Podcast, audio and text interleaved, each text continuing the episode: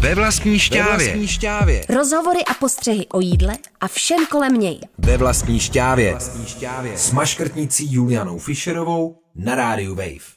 Ahoj u dalšího dílu ve vlastní šťávě. Dnes se už v tomhle poněkud podzimním díle budeme bavit o pomalu pečených, dušených, grilovaných a uzených masech, o fenoménu amerického barbecue a nakousneme i hot dogy. Mými hosty jsou Tomáš Oujezcký a Sylvie Jackson z holešovické restaurace Big Smokers, která se zabývá tím nejlepším, co americké barbecue nabízí. Dobrý den, Tomáši a Silvie. Nejdřív bych se vás chtěla zeptat, jak tenhle koncept vznikl a proč jste měli vlastně pocit, že Praze po těch všech burgerech a také teda dozích, kterým jste se už věnovali, proč Praze chybí právě tenhle koncept? Proč tady chybí tento koncept? Protože nikdo se neodvážil asi vzít něco, co je tak amerického, jako je barbecue a zasadit to do středu Evropy a rovnou do Prahy a konkurovat uzení, které tady má tradici, ale na jiné bázi, bych řekla. Takže my oba dva jsme z Moravy, my k uzení máme blízko a teď, když přišla ta situace nebo ta šance si něco společně konečně otevřít a splnit si sen,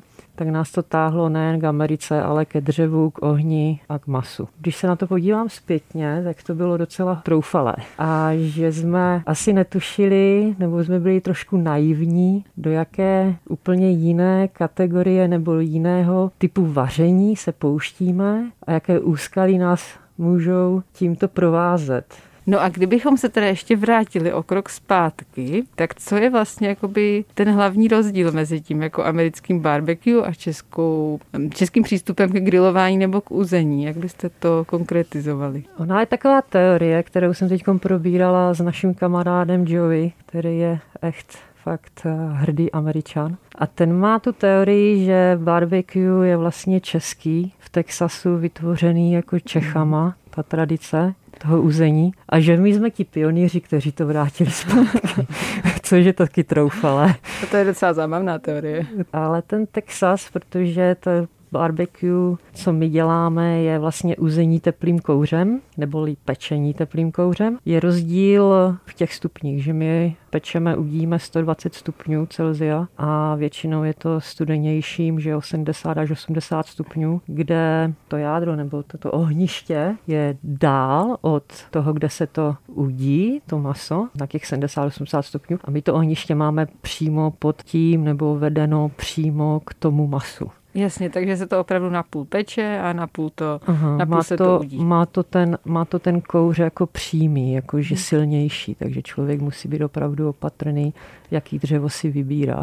No a proč jste teda šli do tohohle konceptu, co vás jako vedlo, co byl ten impuls, že jste teda otevřeli tu druhou vlastně restauraci po té teda hot dogové, Tomáši? No takhle, otevřel jsem hot dog, kde jsem Silvu teda vzal, chtěl přizvat k sobě, tam to nevyšlo, ale ta doba prostě uzrála po nějakých pěti letech a Silva už byla připravená na, nějakou, na nějaký společný koncept, ale my jsme, my jsme to hledali, ten, e, co to bude. My jsme nevěděli, že to bude barbecue, mm-hmm. ale Silva tím, že byla v New Orleans, tak eh, tam je k tomu uzení hodně blízko a t- tam jsem to vlastně viděl poprvé v realitě, jak to tam funguje a to téma jsme nakousli a vznikl z toho Big Smokers. No. Když se řekne barbecue nebo uzení, tak právě lidem v Česku vytane spíš Texas, než New Orleans, tak eh, jak se to třeba liší, když to vezmeme mm, pojetí v těchto dvou státech, Silvie? Je, je, je mnoho, mnoho uh, barbecue stylů. Je texasky a Karolína a v Arkansasu taky něco dělá, Tennessee a každý ten stát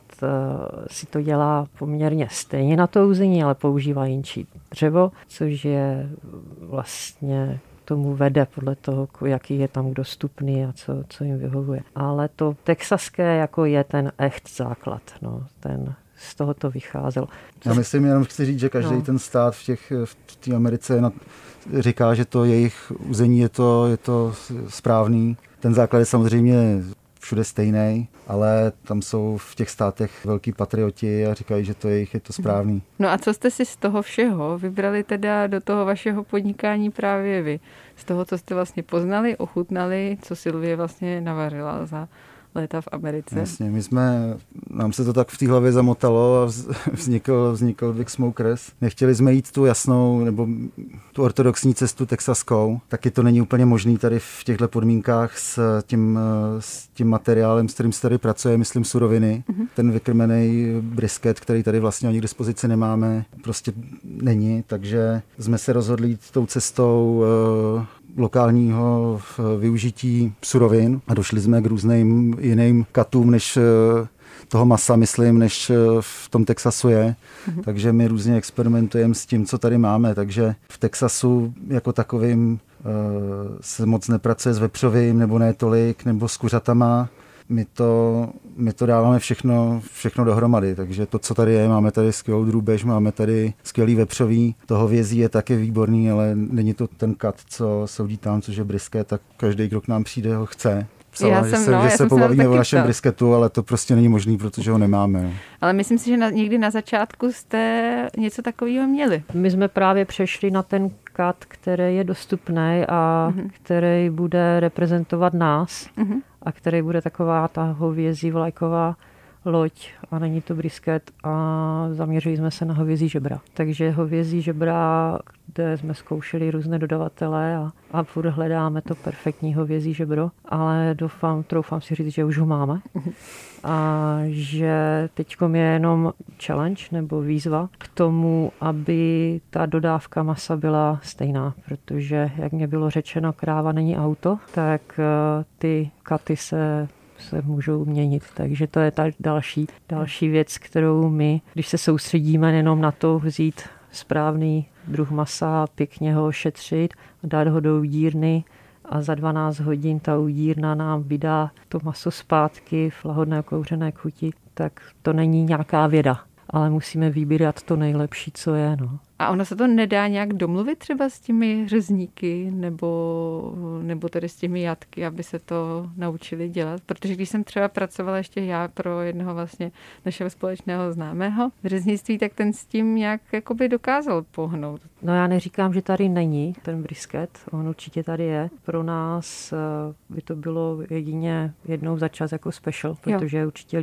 limitovaný množstvím. A co my se soustředíme na Chester, česká stračena, tak jsme ještě nenašli ten správný brisket. Vím, že angusy, že jo, samozřejmě jsou tady bio, biofarmy, které oslovujeme, ale bylo by to opravdu, že by pro nás jenom vyselektovali ty, ty nejlepší briskety a my se soustředili opravdu si udělat jednou za čas special s brisketem, ale chceme mít na denní nabídce toho vězí a nabídnout to zákazníkům, takže proto to uh, hovězí žebrok. No a ten teda další z těch stavebních kamenů vašeho podniku je, je to trhané vepřové maso, což je taková jako svým způsobem jednoduchá věc, svým způsobem alchymie. Jak dosáhnu toho, aby teda i třeba v domácích podmínkách bylo to trhané vepřové maso dobré a šťavnaté a nebyla to prostě jenom jakoby roztušená vepřová pečeně, která je promíchaná s tím výpekem. Tak jak bych toho dosáhla doma, jak to děláte, jak se to dělá teda správně v těch podmínkách, aby to odpovídalo vašemu konceptu? Tak barbecue je vlastně o tom, že se jenom udí, že k tomu není žádná trouba nebo žádný plynový vařič, že to je fakt jenom dřevo, oheň a čekání, až to maso bude. S tím, s tím vepřovým, vepřovým, my máme přeštické vepřové, což o sobě už je lahodné maso. Je Možná je to ten hlavní klíč, protože to, to přeštický maso má nějakou lepší strukturu. Mi připadá, že se nerozpadne tak, jak to klasický růžový prase u nás. Tak to je, myslím, jako by první věc sáhnout po tom kvalitním vepřovým a možná rovnou po tom přeštíkovi. To, co děláme my, nebo jak se to dělá v udírně, je to, že v koření je vlastně, kořeníme na sucho, do ničeho nenakládáme. Není to v žádném pekáči ve šťávě, je to, je to pouze to maso, no. takže pep, který se potom zabalí a... Je to teda plec, že jo, ramínko vrchní a zaudí se 6 hodin na těch 120 stupňů s tím kořením a potom používáme butcher paper, pevnější řeznický papír a do toho se to zabalí, aby ta šťáva zůstala v blízkosti nebo neotekala, že jo? A tam se to vlastně dopíká, dusí v tom papíře, ale furt v té udírně. Takže a doma ničím se to nepodlívá, nebo jako dalo by se to doma, jestli zaudit, trošku se nebát, při, při, přidat tu teplotu do udírny a, nebo do ohniště, zaudit a potom v troubě, v troubě zabalený nebo v pekáči. Nebo rovnou, rovnou v troubě no. se, to, se to určitě dá. Jako taky uh-huh. je to zase asi dodržet tu teplotu ne úplně vysokou, 120 stupňů 120 a, a no. čekat. No. A zkoušeli jste třeba doma i nějaké experimenty se štěpkou a uzením v hrnci? Nebo... To ne. to mě neláká. Ne, už si to užíváte dost práce. Takže všechno vlastně maso, co člověk teda u vás ochutná, je opravdu vlastně připravené v té udírně, je tepelně zpracované a pak už jen vlastně ohřáté do té housky. Nebo... Je, to, je to tak, no ideální stav je ten, kdy vlastně to jde z udírny rovnou do hmm. housky. Ten, vynechat ten mezikrok toho ohřívání, když hmm. se toho tomu vždycky úplně nevyhneme. Já, pardon, já si troufám říct, protože mi o, ta udírna jede 24 hodin. Máme akorát v pondělí zavřeno, kdy se musí vyčistit. Že udíme přes noc, aby jsme měli na polední a odpolední nabídku čerstvě nauzeno a v ráno v pět dáváme další dávku na večer. Takže my opravdu vytahujeme to maso a dáváme zákazníkovi v čerstvé kvalitě. To není to jednoduché takhle v to, s tou dínou, s tím dřevem pracovat. A mě má to i své úskalí, kdy my jsme se setkávali s různýma věcma s tou dírnou. Jo, jo.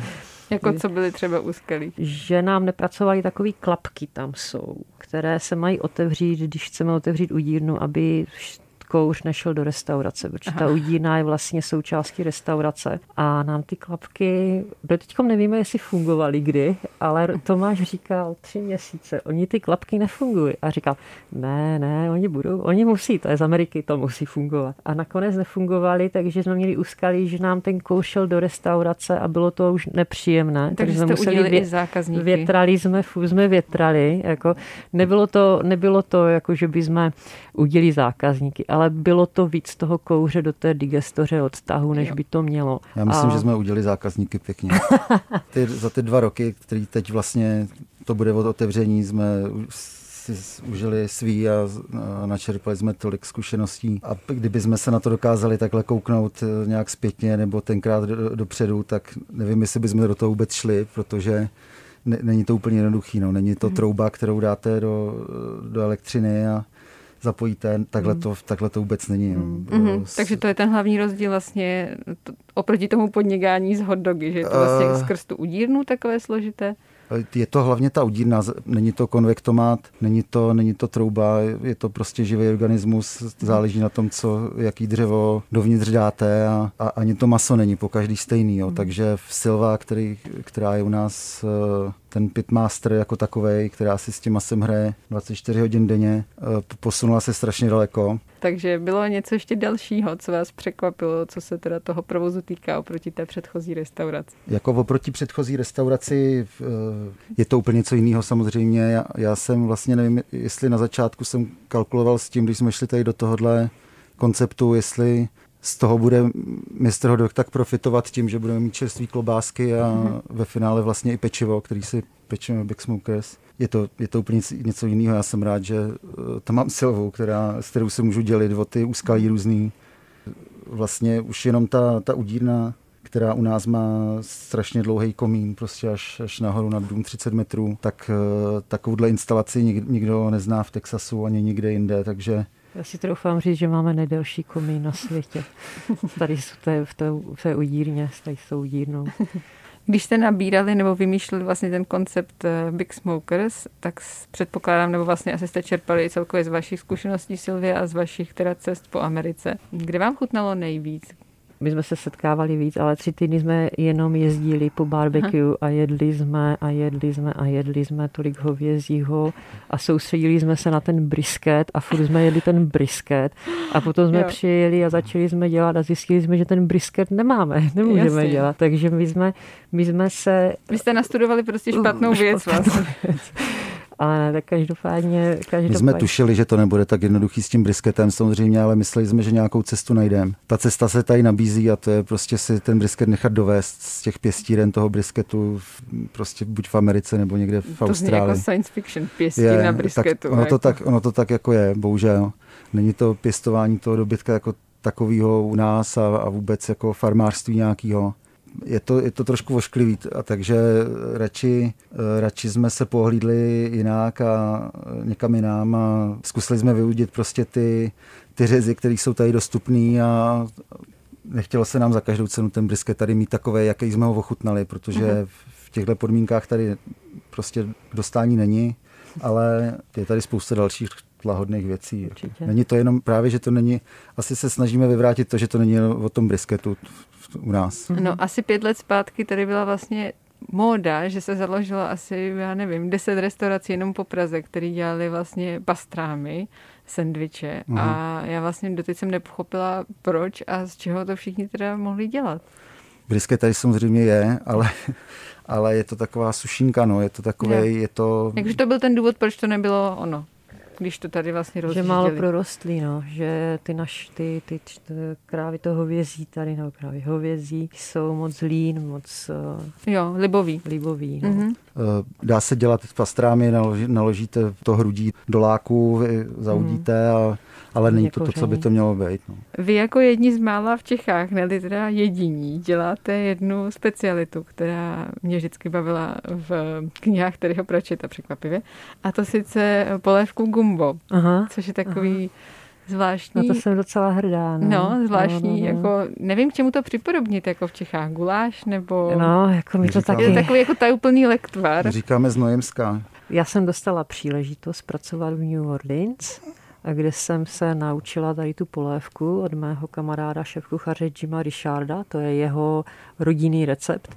Velmi hrdý na to, že je 200 let, 300 let starý recept. A je to teda těch gambo polévek v New, York, v New Orleans je více druhů, protože je to rozděleno na Cajun a Creole. Creole to je Haiti, Španělsko, přistěhovalci a Cajun to je přistěhovalci z Kanady, kteří utíkali teda francouzi, takhle francouzi, kteří se vraceli do francouzské kolonie, které, která New Orleans byla. A tam, tam je ten rozdíl, že my tam nepoužíváme gumbo field, což je koření, Mhm. které se používá v kryu, ale používáme to tmavší, jakoby jížku, rů, které je zasmaženo do, které je zamícháváno do rozpáleného oleje. Takže se rozpálí olej úplně jak skoro až kouří a do toho se pomalu sype mouka a ta mouka nesmí se spálit, že jo? To, by bylo, to by bylo cítit, ale musí mít oříškovou chuť. A to je to, to, je to gro toho, gamba, ta chuť, ta tmavost a potom zelenina, anduji naše